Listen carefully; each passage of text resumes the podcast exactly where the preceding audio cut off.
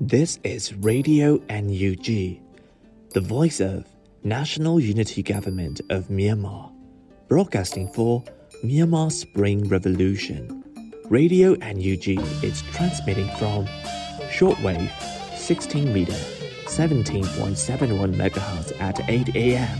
and 25 meter 11.965 megahertz at 8 p.m. Myanmar Standard Time. မင်္ဂလာပါခင်ဗျာအမျိုးသားညီညွတ်ရေးအစိုးရရဲ့အတန်လွင့်ဌာန Radio NUG ကိုမနက်၈နာရီမှလိုင်းတို16မီတာ7.3 MHz ညပိုင်း၈နာရီမှလိုင်းတို25မီတာ17.665 MHz တို့မှာဓာတ်ရိုက်ဖမ်းယူနားဆင်နိုင်ပါပြီ။မင်္ဂလာအပေါင်းနဲ့ပြည့်စုံကြပါစေ။အခုချိန်ကစပြီး Radio NUG အစီအစဉ်တွေကိုဓာတ်ရိုက်အတန်လွှင့်ပေးနေပါပြီ။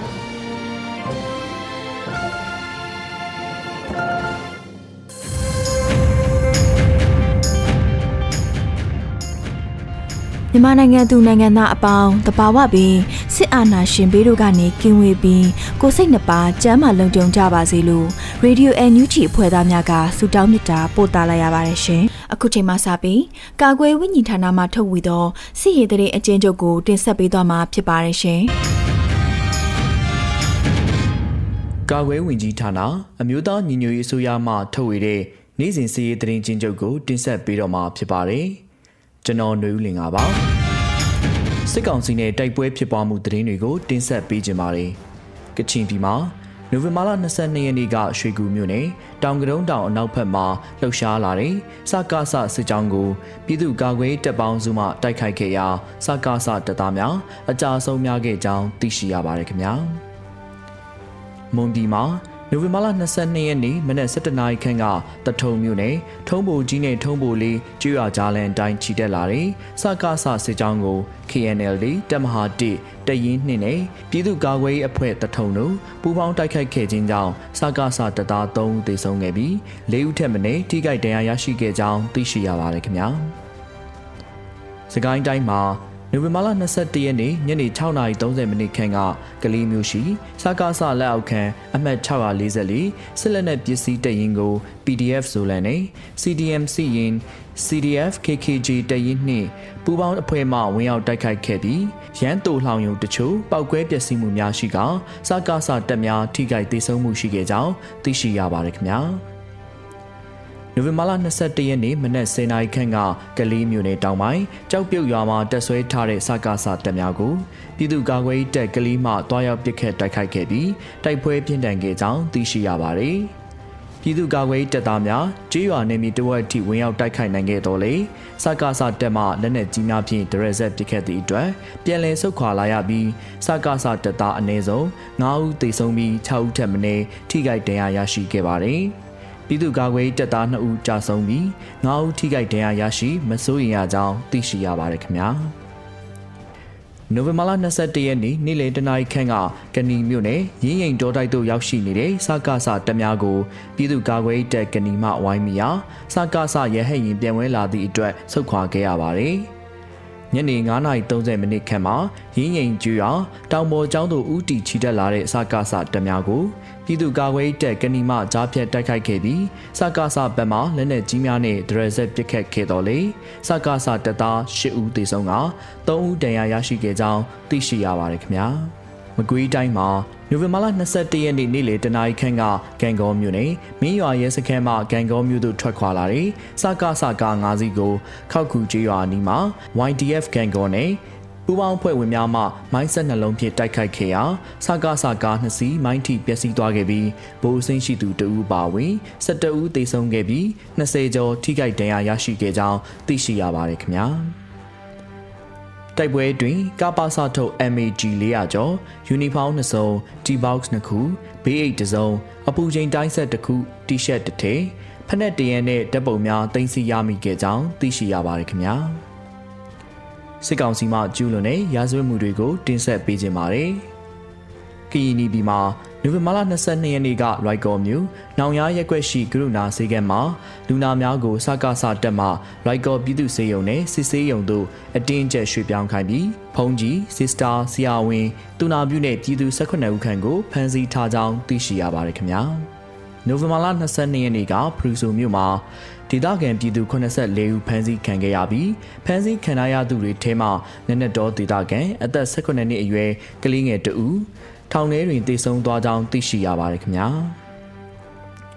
ချင်းဒီမှာနိုဝင်ဘာလ22ရက်နေ့ကကမ်ပက်လက်မြို့အာထကအကြောင်းမှာတက်ဆွဲထားတဲ့စကားစာတနေရဲတပ်ဖွဲ့များမှကျောင်းပတ်ဝန်းကျင်ရှိနေများကိုကျူးကျော်ဝင်ရောက်ခိုးယူခြင်းဖျက်ဆီးခြင်းနဲ့မြို့တွင်းနေပြည်သူများကိုမြို့အားမိရှို့ပစ်မယ်လို့ချိန်ချောက်မှုများရှိနေကြောင်းသိရှိရပါတယ်ခင်ဗျာ။စကိုင်းတိုင်းမှာ နိုဝင်ဘာလ22ရက်နေ့ည9နာရီခွဲခန့်ကမြောင်မြို့နယ်ကြောက်ရည်စခန်းမှာတက်ဆွဲထားတဲ့စကားစတက်များမှာဘူးကိုင်းရွာဘက်သို့လက်နက်ကြီးလက်နက်ငယ်များဖြင့်ပစ်ခတ်ခဲ့ကြောင်းသိရှိရပါတယ်ခင်ဗျာ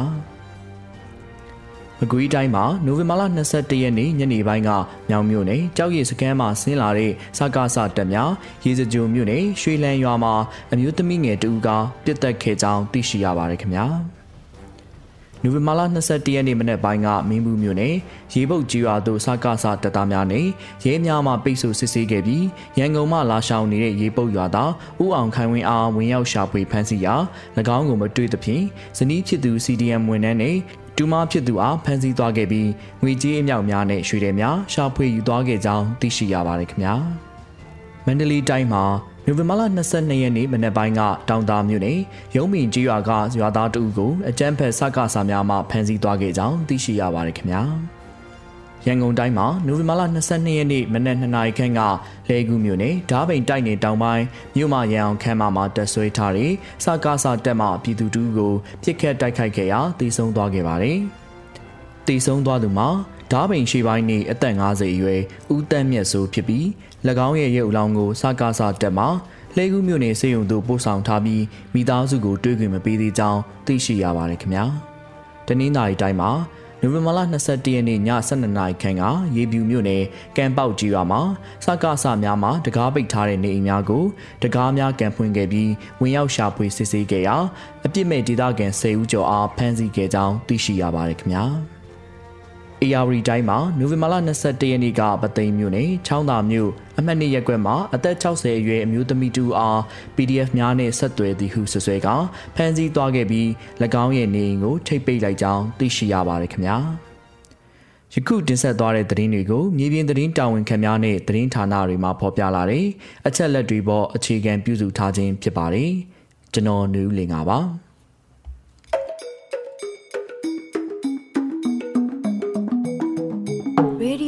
ပါဂျီမှာဆက်လက်အတန်းလွှင့်နေပါတယ်။အခုဆက်လက်ပြီးပြည်တွင်းသတင်းများကိုຫນွေဦးမိုးမှတင်ဆက်ပေးမှာဖြစ်ပါတယ်ရှင်။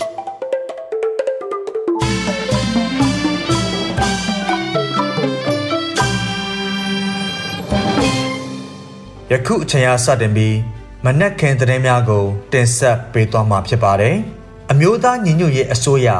NUG ကငွေတိုက်စာချုပ်များကိုနိုဝင်ဘာလ22ရက်နေ့မှာစတင်ရောင်းချရာ ပြည်တွင်းပြည်ပမှအားပေးဝယ်ယူသူများပြားနေကြောင်းသိရပါတယ်။အမျိုးသားညီညွတ်ရေးအစိုးရရဲ့ငွေတိုက်စာချုပ်ရောင်းချနေမှုနဲ့ပတ်သက်ပြီးစီမံကိန်းဗန်နာရေးနဲ့ရင်းနှီးမြှုပ်နှံမှုဝန်ကြီးဌာနဒုတိယဝန်ကြီးဦးမင်းစရာဦးကပြောကြားရမှာဒီကနေ့နေ့လယ်2နာရီကနေ4နာရီအထိအမေရိကန်ဒေါ်လာ2တန်းဝန်းကျင်ရောင်းချခဲ့ရကြောင်းပြောပါတယ်။အားပေးသူပြည်သူတွေရဲ့လုံခြုံရေးကို ဦးစားပေးတဲ့စနစ်ကိုအသုံးပြုထားတာကြောင့်ငွေတိုက်စာချုပ်ရောင်းချရေးမှာအချိန်ယူခဲ့ရတဲ့အပိုင်းအချို့ရှိခဲ့ပါတယ်လို့ဦးမင်းစရာကပြောပါတယ်ငွေတိုက်စာချုပ်ရောင်းချမှုနဲ့ပတ်သက်ပြီးဆက်လက်ပြောကြရမှာအခုလောလောဆယ်စတင်ရောင်းချတာက Revolution ကိုစားပြု R series ဖြစ်ပါကြောင်း R series ကို American Dollar တန်း200ဘိုးရောင်းချမှာဖြစ်ပြီးအခြား series တွေကို1 billion ပြည့်တဲ့အထိ ရောင်းချသွားမှာဖြစ်ကြောင်းပါဝင်ပါတယ်။1ဘီလီယံမပြည့်မချင်းဇက်တက်ရောင်းချသွားမှာဖြစ်ပြီး1ဘီလီယံပြည့်ရင်တော့ရောင်းချမှုကိုရပ်လိုက်မှာဖြစ်တယ်လို့စီမံကိန်းဗန်နာရေးနဲ့ရင်းနှီးမြှုပ်နှံမှုဝန်ကြီးဌာနဒုတိယဝန်ကြီးဦးမင်းစရာဦးကပြောပါတယ်။အတိုးမဲ့ငွေတိုက်စာချုပ်ဖြစ်တဲ့အကြောင်းကိုဒုဝန်ကြီးကရှင်းလင်းရမှာတော့ငွေတိုက်စာချုပ်များဟာတော်လန်ရေးစန့်တွေအများကြီးပါသည့်အတွက်ကြောင့်အတိုးမဲ့ဖြစ်ကြောင်း ပြည်သူလူထုတွေဘောင်းကိုအားပေးပြီးဝယ်ကြပါဒီဘောမှာကတော်လန်ရေးစန့်စွေအများကြီးပါပါတယ်နောက်ပြီးနိုင်ငံတကာကလည်းအများကြီးစောင့်ကြည့်နေကြတယ်ဘယ်အစိုးရကိုပြည်သူကထောက်ခံတယ်ဆိုတာကိုလည်းသူတို့ကစောင့်ကြည့်နေတဲ့အချက်ထဲမှာပါပါတယ်ဒါကြောင့်ဒီဘောင်းကိုဝယ်ယူဖို့ထပ်လောင်းပြီးတက်တွန်းပါကြောင်းပြောကြားသွားခဲ့ပါတယ်ဆက်လက်ပြီးနိုဝင်ဘာ22ရက်နေ့နေ့လယ်တွင်ကျင်စန်းကြော့ဂိတ်ကို စမ်းသက်ကာလအဖြစ်ဖွင့်လှစ်မည်ဟုတည်င်းထွက်ပေါ်လာဆိုတဲ့သတင်းကိုတင်ဆက်သွားမှာဖြစ်ပါတယ်။နိုဝင်ဘာ22ရက်နေ့မြန်မာစံတော်ချိန်နေ့လယ်တနာရီတွင်ကျင်စန်းကျော့ဂိတ်ကိုပြန်လည်ဖွင့်လှစ်ပေးသွားမယ်လို့သတင်းထွက်ပေါ်လာပြီးတစ်သေးကုန်သွယ်မှုကို ပုံမှန်ပြန်ဖြစ်ဖို့မျှော်လင့်ထားတယ်လို့သိရပါတယ်။နိုဝင်ဘာ24ရက်နေ့အထိကိုစံသက်ကာလအဖြစ်ဖွင့်လှစ်သွားမှာဖြစ်ပြီးနိုဝင်ဘာ25ရက်နေ့မှာစတင်က ပုံမှန်အတိုင်းအဝင်အထွက်များပြန်လည်ဖွင့်လှစ်မယ်လို့မူဆယ်စံစဘာကုံစီတိုင်းဒုဥက္ကဋ္ဌဦးမင်းသိန်းကသူ့ရဲ့လူမှုကွန်ရက်စာမျက်နှာမှာရေးသားထားပါတယ်။ယခုရက်ပိုင်းမှာတရုတ်ပတ်ချမ်းကတရုတ်မြန်မာတရုတ်လာအိုနယ်စပ်ကိတ်များအကောက်ခွန်ကင်းရှင်းရေးပြန်လည်စတင်ဖို့စီစဉ်နေပြီးတစ်သီးကုံသွယ်ရေးကို ပြန်လည်စတင်နိုင်ဖို့မျှော်လင့်ထားပုံရတယ်လို့သိရပါတယ်။ မကြမီရက်ပိုင်းကယူနန်ပြည်နယ်ရှိတက်ဆိုင်ရာဌာနတွေကနယ်မြေခြားကုန်သွယ်ရေးလမ်းကြောင်းတွေမှာအကောက်ခွန်ရှင်းလင်းရေးနဲ့ကုန်စည်ပို့ဆောင်ရေးလုပ်ငန်းများစနစ်တကျပြန်လည်ထူထောင်နိုင်ရေးအတွက်လေ့လာမှုပြုလုပ်ခဲ့ပြီးတတိပေးချက်ထုတ်ပြန်ခဲ့ပါတယ်။အဲ့ဒီအထက်မှာရွှေလီမြို့ကဝန်တိန်နယ်ဆက်ကုန်သွယ်ရေးဆောင်နဲ့မန်မန်တစ်တီလက်ကားစေးပါဝင်နေပြီးကက်ယောဂအထောက်အကူပြုပစ္စည်းများနဲ့စက်ကရိယာများ ဂိတ်စီမံခန့်ခွဲမှုအပါအဝင်လက်ပတ်မှုပုံမှန်ဖြစ်ပြီးတင်သွင်းလာတဲ့ကွန်ပစ္စည်းများရဲ့ကူးစက်မှုအန္တရာယ်ကိုထိန်းချုပ်ပြီးနောက်နောက်ဆက်တွဲအကဲဖြတ်ခြင်းများဆက်လက်ဆောင်ရွက်မယ်လို့ဆိုပါတယ်။ယူနန်ပြည်နယ်အစိုးရအနေနဲ့ကူးစက်ရောဂါကာကွယ်ရေးဆိုင်ရာအဆောက်အအုံထိန်းချုပ်မှုလုပ်ငန်းများပြန်လည်အားကောင်းလာဖို့ဝန်တိန်မတ်မန်လမ်းကြောင်းတစ်လျှောက်မှာလူအင်အားနဲ့အတုံးစိတ်များကိုရင်းနှီးမြှုပ်နှံထားပါတယ်။လက်ရှိမှာ မတ်မန်လမ်းကြောင်းရှိတရုတ်ပတ်ချမ်းမှာကုဆက်ယောဂါကာကွယ်ရေးဆက်ဆက်လုပ်ငန်းများပြီးစီးနေပြီဖြစ်ကကုံသွယ်မှုပြန်လည်စတင်ဖို့အဆင့်သစ်ဖြစ်နေပြီလို့သိရပါတယ်။ဟုတ်ကဲ့ကျွန်တော်ຫນွေဦးမိုးပါ။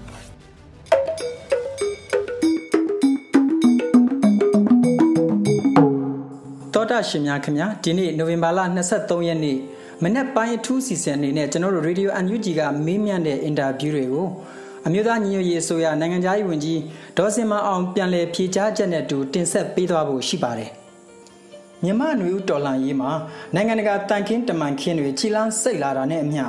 အာနာသိန်းစစ်ကောင်စီဘက်ကရောစစ်ကောင်စီပြုသမျှခေါင်းငုံမခံကြတဲ့ပြည်သူတွေဘက်ကရောရင်ဆိုင်တွန်းလှန်မှုတွေအားကောင်းလာနေတဲ့အချိန်ဆိုရင်မမှားပါဘူး။ လက်ရှိအခင်းကျင်းမှာပြည်သူတွေသိချင်နေကြတဲ့စိတ်ဝင်စားစရာမိကွန်းတွေကိုပြည်သူတွေရဲ့ကိုစားရေဒီယိုအန်ယူဂျီကအခုလိုမေးမြန်းတင်ဆက်ပေးလိုက်ပါတယ်မင်္ဂလာပါဝန်ကြီးခင်ဗျာအခုလိုရေဒီယိုအန်ယူဂျီရဲ့မေးမြန်းမှုတွေကိုလက်ခံဖြေကြားပေးတဲ့အတွက်ကျေးဇူးတင်ကြောင်းဥစွာပြောပါရစေပထမဆုံးအနေနဲ့ အနှစ်30မြောက်တရုတ်အာဆီယံအထိပ်သီးစည်းဝေးမှာပေါ့လေနိုဝင်ဘာ22ရက်နေ့ကစတင်ကျင်းပခဲ့တာအဲ့ဒီမှာအာနာသိန်းစစ်ကောင်စီဘက်ကခေါင်းဆောင်တွေတက်ရောက်ခွင့်မရခဲ့ပဲမြန်မာကိုနေရာလွတ်ထားခဲ့တဲ့အပေါ်နိုင်ငံသားရေးဝန်ကြီးဒေါ်စင်မအောင်ရဲ့အမြင်ကိုသိပြရစီခင်ဗျာဟုတ်ကဲ့ဟိုပထမမိကုံဖြစ်တဲ့ဒီအာဆီယံတရုတ်ထိပ်သီးအစည်းအဝေးမှာဒီအာနာသိန်းစစ်ကောင်ဆောင်ကိုတက်ခွင့်မရဘူးဆိုတာကတော့ ဒါအာဆီယံထိပ်သီးအစည်းအဝေးတုန်းကဆုံးဖြတ်ချက်အတိုင်းပဲဆက်လက်ပြီးတော့အာဆီယံကရပ်တည်သွားတယ်လို့ ကျမတို့ပြောလို့ရပါတယ်အပြီးခဲ့တဲ့အာဆီယံထိပ်သီးအစည်းအဝေးမှာလည်းပဲ non political representative ပေါ့နော်နိုင်ငံရေးအကူစားပြုခွင့်စစ်ကောင်းဆောင်တွေကိုအာဏာသိမ်းကောင်းဆောင်တွေကိုမပေးဘူးပေါ့လေမပေးခဲ့ဘူးအခုလည်းဒီတိုင်းပဲအဲ့တော့အာဆီယံထိပ်သီးအစည်းအဝေးကတော့အာဆီယံမှာတော့အမြင့်ဆုံးနိုင်ငံရေးဆုံးဖြတ်ချက်ချထားတဲ့ body ဖြစ်တဲ့အတွက်ဒီဆုံးဖြတ်ချက်ကိုကြော်လွန်ပြီးတော့အဲတရုတ်အာဆီယံထိပ်သီးအစည်းအဝေးမှာလည်းသူတို့ဟိုတခြားတီးခြားပေါ့နော်ဟိုတိတာမြင်သားတဲ့တိုးတက်ပြောင်းလဲမှုမရှိသေးဘဲနဲ့ဒီဆုံးဖြတ်ချက်ကိုကျော်လွန်ပြီးတော့ချမှတ်လို့မရတဲ့အနေအထားမျိုးဖြစ်သွားတယ်လို့ကျွန်တော်တို့နားလည်လို့ရပါတယ်ဟုတ်ကဲ့ပါဝန်ကြီးခင်ဗျာနောက်မိကွန်းတစ်ခုအနေနဲ့ပေါ့လေနိုဝင်ဘာလ23ရက်နဲ့24ရက်နေ့မှာကျင်းပမယ်။ရာသီဥတုဆိုင်ရာအာဆီယံနိုင်ငံများရဲ့နှီးနှောဖလှယ်ပွဲကိုအမျိုးသားညီညွတ်ရေးအစိုးရအန်ယူဂျီကတဘာဝပတ်ဝန်းကျင်ဆိုင်ရာဝန်ကြီးဒေါက်တာတူးခေါင်တက်ရောက်ဖို့ရှိနေတယ်ဆိုတာအားလုံးလည်းသိကြရပါပြီ။ဒီနေရာမှာဒေါက်တာတူးခေါင်ကို အာဆီယံစည်းဝေးဖိတ်ကြားသူတွေဘက်ကမြန်မာနိုင်ငံကိုစားပြုဝန်ကြီးမြန်မာမီနီစတာလို့တုံးနှုံထားတာကိုတွေ့မြင်ရပါတယ်ဒီအခြေအနေပေါ်မှာ UNG အနေနဲ့ပြည်သူတွေကိုဗာများပြောပြချင်ပါတယ်လေခင်ဗျာ။ ဆရာဒေါက်တာဒုကောင်တက်ခွင့်ရတဲ့အစည်းအဝေးကတော့ ASEAN International Conference ပေါ့နော်ဒီအာဆီယံနဲ့နိုင်ငံတကာဆိုင်ရာ conference ပါဒီရာသီဥတုပြောင်းလဲရေးပြည်ပပြောင်းလဲရေးနဲ့ပတ်သက်တဲ့တဘာဝပတ်ဝန်းကျင်ဆိုင်ရာ conference တစ်ခုမှာအဲတခြားသောဒီနိုင်ငံခေါင်းဆောင်တွေဝန်ကြီးတွေပေါ့နော်သက်ဆိုင်ရာဝန်ကြီးတွေနဲ့အတူတက်ရောက်ဆွေးနွေးဖို့ဖိတ်ကြားခံရတာဖြစ်ပါတယ်ဆိုတော့အဲ့ဒါလည်းဒါကျမတို့ရဲ့တန်ခင်းတမန်ခင်းအရတော့ NUG အတွက်အဲကောင်းမွန်တဲ့ဒုတက်တဲ့ခြေလန်းတလန့်လို့ကျမတို့အနေနဲ့ကောက်ယူလို့ရပါတယ်ရှင်ဟုတ်ကဲ့ပါဝန်ကြီးအားလုံးခြုံပြီးပြောရရင်ပေါ့လေနိုင်ငံတကာဆက်ဆံရေးဒီတန်တမာအရေးခင်းတွေမှာကျွန်တော်တို့မြန်မာပြည်သူတွေဘက်ကအားသာနေပြီလို့ပြောလို့ရနိုင်ပြီလားခင်ဗျပြောရမယ်ဆိုလို့ရှိရင်ခုချိန်ထိစစ်တက်ကနေပြီးတော့ပေါ့နော်အာရွေးကောက်တင်မြောက်ခံထားရတဲ့ အဲအစိုးရပေါ်မှာအာဏာသိမ်းပြီးတော့လူယူပြီးတော့စစ်တပ်ကအာဏာသိမ်းတဲ့အနေအထားကိုပဲနိုင်ငံကမှအတိမဲ့ပြုထားတာမရှိသေးတာတခုရယ် နောက်တစ်ချက်ကကြတော့အခု NUG ရဲ့သက်ပေါ့နော်အစိုးရအဖွဲ့ကိုလည်းနိုင်ငံတွေကနောက်ဒေတာရင်းဖွဲ့စည်းတွေကနောက်ပြီးတော့ပြည်ပဆိုင်ရာဖွဲ့စည်းတွေကသူတို့ရဲ့ conference တွေအဲနောက်ပြီးတော့လွှတ်တော်တွေမှာကျမတို့ဟိုတရားဝင်တွေ့ဆုံနေတာစကားပြောနေတာအဲဒီကိုကြည့်မယ်ဆိုလို့ရှိရင်တော့ဒါကျမတို့အနေနဲ့နိုင်ငံတကာနဲ့ဆက်သွယ်ဆောင်ရွက်မှုမှာတော့ အာသာမှုတွေရှိနေတယ်လို့တော့ပြောလို့ရပါတယ်ဒါပေမဲ့ဟိုကျမတို့အောင်မြင်မှုပန်းတိုင်အနေနဲ့တော့ပြောလို့မရသေးပါဘူးဒါလန်ခုလက်မှာပဲရှိပါသေးတယ်လန်ခုလက်မှာဆိုရင်တော့ကျမတို့ကနာတပြားတာနေတဲ့အနေထားရှိနေတယ်လို့တော့ပြောလို့ရပါတယ်နောက်ထပ်ရောမြန်မာပြည်သူတွေအနေနဲ့အလားတူဝမ်းသာစရာအာသာမှုတွေကိုဘယ်လိုဆက်လက်မျှော်လင့်လို့ရနိုင်လဲဆိုတာကိုပြောပြပေးပါဦးခင်ဗျာ။အဲ ကျမတို့ကပြည်သူလူထုကိုဘာတွေမျှော်လင့်မှာမမျှော်လင့်မှာနဲ့လို့တော့မပြောလို့ပါဘူးအဲဒီမှာဒါပေမဲ့ကျမတို့အကောင်းဆုံးဖြစ်အောင်နဲ့အောင်မြင်မှုရအောင်တော့ ပေါ့နော်ဒီဒီဒီစင်စက်မပြတ်ကမ္ဘာနိုင်ငံနေနဲ့ထိတွေ့သွားဖို့လို့ရှိတယ်ဒီအောင်မြင်မှုတွေရဖို့လို့ကလည်းကျမတို့ကပြည်သူလူထုရဲ့ပြည်တွင်းမှာရှိနေတဲ့လှုပ်ရှားမှုတွေအခွန်မဆောင်တဲ့လှုပ်ရှားမှုတွေအဲပေါ့နော်နောက်ပြီးတော့ကိုပြည်သူကိုအစိုးရပဲငါတို့အစိုးရပဲငါတို့အခွန်ဆောင်မယ်ဆိုတော့လှုပ်ရှားမှုတွေကအစပေါ့လေဒါတွေကအများကြီးအရေးကြီးပါတယ်ဆိုတော့မျောလင်းဖို့ဆိုတာထက်ဆိုင်ဆက်လက်ပြီးတော့လှုပ်ရှားမှုကိုဆက်ထိန်းထားဖို့လို့ လိုပါတယ်ဒီလှုပ်ရှားမှုတွေဆက်ပြီးတော့ရှိနေမှသာလျှင်ဒီအာခံမှုတွေစစ်ကောင်စီရဲ့အာဏာသိမ်းမှုကိုတွန်းလှန်မှုတွေရှိနေမှသာလျှင်ကျွန်တော်တို့ဒီအောင်မြင်မှုတွေကိုမျှော်လင့်လို့ရမှာဖြစ်ပါတယ်အဲ့တော့ဒီအောင်မြင်မှုတွေကိုဆက်ထိန်းထားဖို့ပန်းတိုင်ရောက်ဖို့ဆိုရင်တော့ကျွန်တော်တို့ရဲ့ကြမ်းကြမ်းခံနိုင်စွမ်းနေစစ်အာဏာရှင်ကိုတွန်းခုခံတွန်းလှန်နေတဲ့နှီးပေါင်းစုံပေါ့လေဟိုပြောရမယ်ဆိုလို့ရှိရင်ခုနပြောတဲ့ debate တွေရှိမယ်အဲဟိုနောက်ပြီးတော့ဒီအခွန်မဆောင်တဲ့လှုပ်ရှားမှုတွေရှိမယ်ပေါ့လေ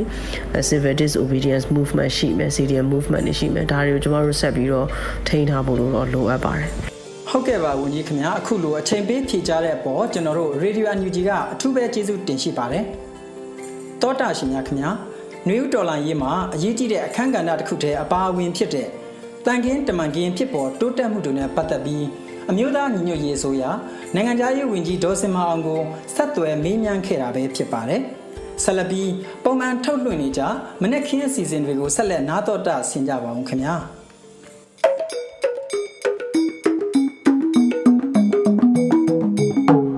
ရေဒီယို NUG မှာဆက်လက်အသံလွှင့်နေပါတယ်။အခုဆက်လက်ပြီးနေ့စဉ်သတင်းတင်ဆက်မှုကိုမတ်ထထအိန္ဒြာအောင်မှတင်ဆက်ပေးမှာဖြစ်ပါတယ်ရှင်။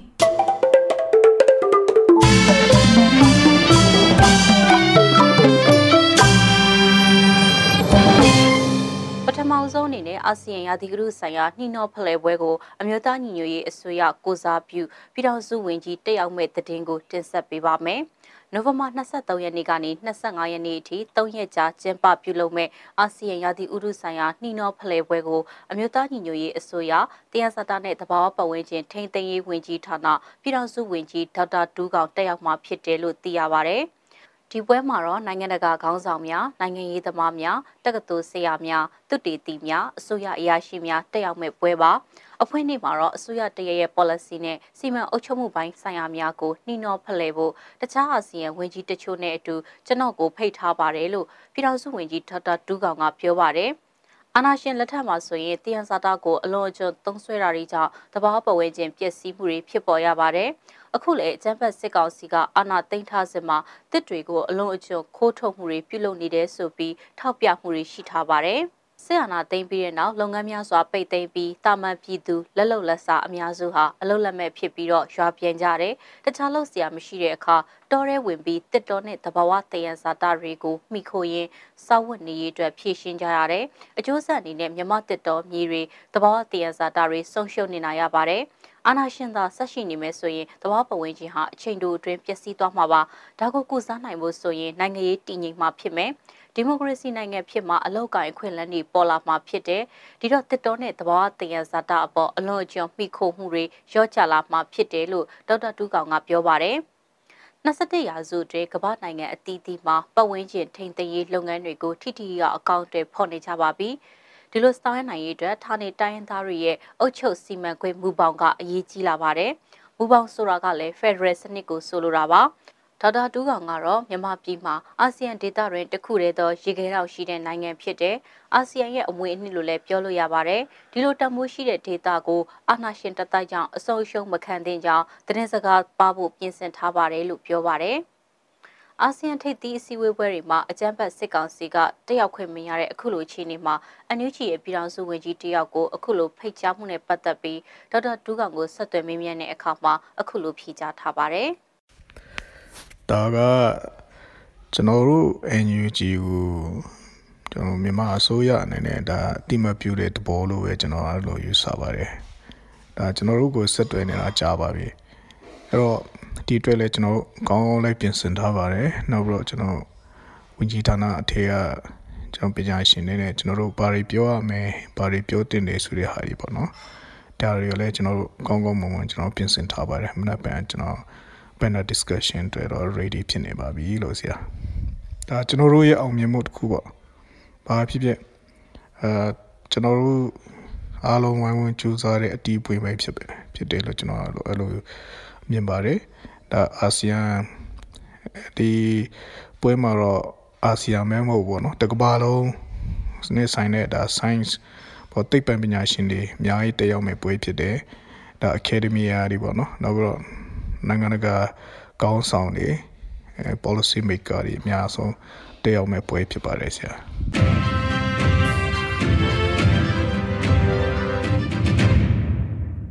ဆက်လက်ပြီးတရုတ်အာဆီယံထိပ်သီးအစည်းအဝေးကိုအကြမ်းဖက်စေအုပ်စုခေါင်းဆောင်မင်းအောင်လှိုင်တက်ရောက်ခွင့်မရခဲ့တဲ့တဲ့င်းကိုတင်ဆက်ပေးပါမယ်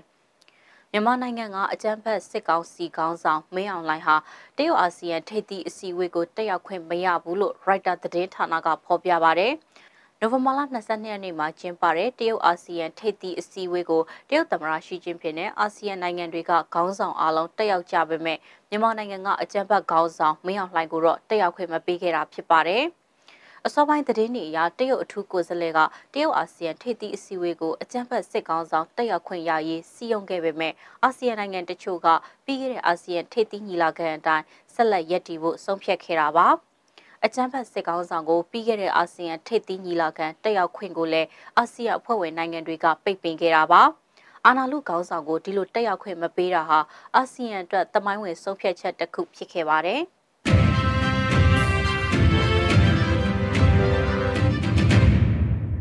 ဆလပီအမျိုးသားညီညွတ်ရေးအစိုးရရဲ့ຫນွေဦးတော်လှန်ရေးအထူးငွေတိုက်စာချုပ်များစတင်ရောင်းချခဲ့တဲ့သတင်းကိုတင်ဆက်ပေးပါမယ်။ အမျိုးသားညီညွတ်ရေးအစိုးရစီမံကိန်းဗန်ဒါရေးနဲ့ရင်းနှီးမြှုပ်နှံမှုဝန်ကြီးဌာနရဲ့အစီအစဉ်နဲ့2021ခုနှစ်နိုဝင်ဘာလ22ရက်နေ့မှာຫນွေဦးတော်လှန်ရေးအထူးငွေတိုက်စာချုပ်တွေကိုစတင်ရောင်းချခဲ့တာပါမနက်9:00နာရီအချိန်မှာစတင်ရောင်းချပေးမယ်လို့မူလကကြေညာခဲ့ပေမဲ့အခြေအနေအရေးအကြောင်းအချိန်မီရောင်းချနိုင်ခြင်းမရှိဘဲမွန်လွဲ2နာရီမှသာစတင်ရောင်းချနိုင်ခဲ့တာကိုလည်းတွေ့ရပါတယ်။ အန်ယူဂျီရဲ့ຫນွေဦးတော်လှန်ရေးအထူးငွေတိုက်စာချုပ်တွေကိုတော်လှန်ရေးအောင်စိမ့်နဲ့အင်တာနက်စာမျက်နှာကတဆင့်လေးလာကြည့်ရှုဝယ်ယူနိုင်မှာဖြစ်တယ်လို့စီမံကိန်းဗန်နာရေးနဲ့ရင်းနှီးမြှုပ်နှံမှုဝန်ကြီးဌာနကထုတ်ပြန်ပါတယ်။ငွေတိုက်စာချုပ်ဝယ်ယူရမှာဗန်ငွေလွဲစနစ်ကိုအတက်နိုင်ဆုံးအစွမ်းကုန်စ조사ပြင်ဆင်ပေးထားတာကြောင့်စိတ်ချလုံခြုံစွာငွေလွှဲပြောင်းပေးပို့နိုင်ပြီးဝယ်ယူသူမူလပိုင်ရှင်အပြင်စက္ကန့်သူတစုံတဦးကိုလည်းအမည်တော်ဆက်ပေါ်ဖြည့်သွင်းဆောင်ရွက်ခြင်းအပြင် စိတ်ချလုံခြုံမှုကိုအပြည့်အဝဆောင်ရွက်နိုင်မှာဖြစ်တယ်လို့ဆိုပါတယ်။ငွငွေတိုက်စာချုပ်ဝယ်ယူသူတွေရဲ့ကိုရေးအချက်လက်တွေကိုအထူးလုံခြုံတဲ့နီးပညာနဲ့အာမခံချက်ပေးထားတာကြောင့်ရုံရုံကြည်ကြည်ပူးပေါင်းဆောင်ရွက်ကြဖို့တိုက်တွန်းထားပါတယ်။နောက်ပြီးငွေတိုက်စာချုပ်တွေကိုတဦးချင်းတယောက်ချင်းစိတ်ကြိုက်ဝယ်ယူနိုင်တဲ့အပြင်အစုအဖွဲ့လိုက်စုပေါင်းဆက်ပေါင်းလဲဝယ်ယူနိုင်မှာဖြစ်တယ်လို့ NUG ကအတည်ပြုထားပါတယ်။ NUG ရောက်ချမဲ့ငွေတိုက်စာချုပ်တွေကို American Dollar 100 900 1000နဲ့9000တန်အမျိုးအစား၄မျိုးနဲ့အတိုးမဲ့ထုတ်ဝေရောက်ချသွားမှာဖြစ်ပြီးတက်တန်းနှစ်နှစ်သတ်မှတ်ထားတယ်လို့သိရပါဗျ။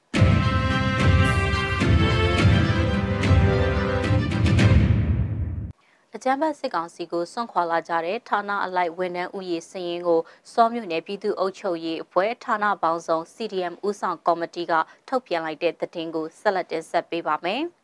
အကြမ်းဖက်စစ်ကောင်စီကိုစွန့်ခွာလာတဲ့ဌာနအလိုက်ဝန်ထမ်းဥယျာဉ်စီရင်ကိုစောမြို့နယ်ပြည်သူ့အုပ်ချုပ်ရေးအဖွဲ့ဌာနပေါင်းစုံ CDM ဥဆောင်ကော်မတီကနိုဝင်ဘာလ22ရက်နေ့မှာထုတ်ပြန်ခဲ့တာပါ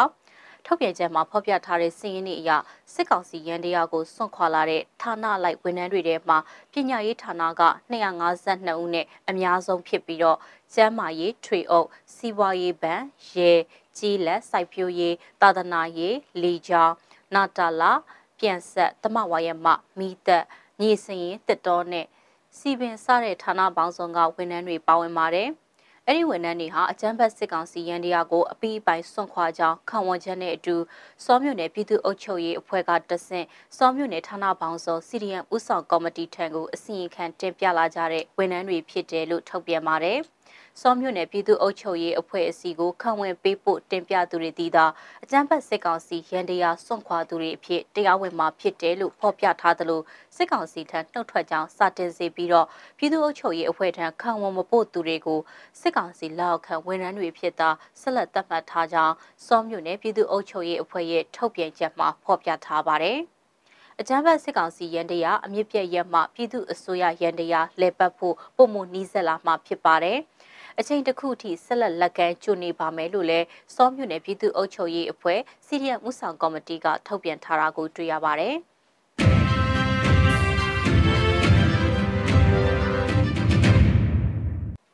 ဆလပ်ပေးအမေရိကန်နိုင်ငံနယူးယောက်မြို့မှာအာနာရှင်ကိုစန့်ကျင်သောအမှုပညာရှင်များလို့အမည်ရတဲ့အမှုပညာပြပွဲနဲ့လေလံပွဲကျင်းပပြုလုပ်မဲ့တဲ့တင်ကိုတင်ဆက်ပေးခြင်းပါတယ်။ အမေရိကန်နိုင်ငံရောက်မြန်မာတွေနဲ့မြန်မာနိုင်ငံကိုကာလကြာရှည်ပံ့ပိုးခဲ့ကြသူတွေကအာဏာရှင်ကိုစန့်ကျင်သောအမှုပညာရှင်များလို့အမည်ရတဲ့အမှုပညာပြပွဲနဲ့လေလံပွဲတစ်ခုစီစဉ်နေကြတယ်လို့သိရပါဗျ။ဒီစီစဉ်ကိုလိုအပ်နေတဲ့မြန်မာပြည်သူတွေကိုလူသားချင်းစာနာမှုအကူအညီတွေအရေးပေါ်ပေးဖို့မြန်မာပြည်သူတွေရဲ့ဒုက္ခကိုလူတွေပိုသတိထားမိလာအောင်လုပ်ဖို့နဲ့ဒီမိုကရေစီအတွက်မြန်မာပြည်သူတွေစ조사ရုန်းကန်ရမှာနိုင်ငံတကာရဲ့စီလုံးညီညွတ်မှုကိုရဖို့ မြန်မာနိုင်ငံရဲ့ကျွဲဝါလှတဲ့ယဉ်ကျေးမှုအမွေအနှစ်တွေကိုထိမ့်သိမ်းရမှာကုညီဖို့ဆိုတဲ့ရည်ရွယ်ချက်၃ခုနဲ့ကျင်းပတာဖြစ်ပါတယ်။အစီအစဉ်ရဲ့အစိပ်ပိုင်းတွေအဖြစ်ဒီဇင်ဘာ9ရက်ကနေ17ရက်နေ့အထိနယူးယောက်မြို့ဝိုင်လန်အခန်းနံပါတ်58မှာရှိတဲ့ဂျိန်းလွန်ဘတ်ပကြီးပြခန်းမှာမြန်မာအနုပညာရှင်တွေရဲ့လက်ရာတွေကိုခင်းကျင်းပြသသွားမှာပါ။ ဖျက်ဝဲလာပရိသတ်တွေဟာခင်းချင်းပြသထားတဲ့အမှုပညာလက်ရာတွေကိုဝယ်ယူနိုင်ပါတယ်။ဒီဇင်ဘာ17ရက်ည9:00နာရီကနေ17:00နာရီအတွင်းကမ္ဘာတလွှားကအမှုပညာရှင်တွေနဲ့အတူမြန်မာအမှုပညာရှင်တွေရဲ့အစီအစဉ်နဲ့အွန်လိုင်းလေလံပွဲကိုကျင်းပမှာပါ။ဒီဇင်ဘာ17ရက်ည9:00နာရီကနေ17:00နာရီအတွင်းနာမည်ကြီးဟောပြောသူတွေအမှုပညာရှင်တွေကြပြဆရာတွေဂီတပညာရှင်တွေနဲ့ဖျော်ဖြေသူတွေစီစဉ်တဲ့အွန်လိုင်းတိုက်ရိုက်တင်ဆက်မှုအစီအစဉ်တွေပါဝင်မှာဖြစ်ပါတယ်။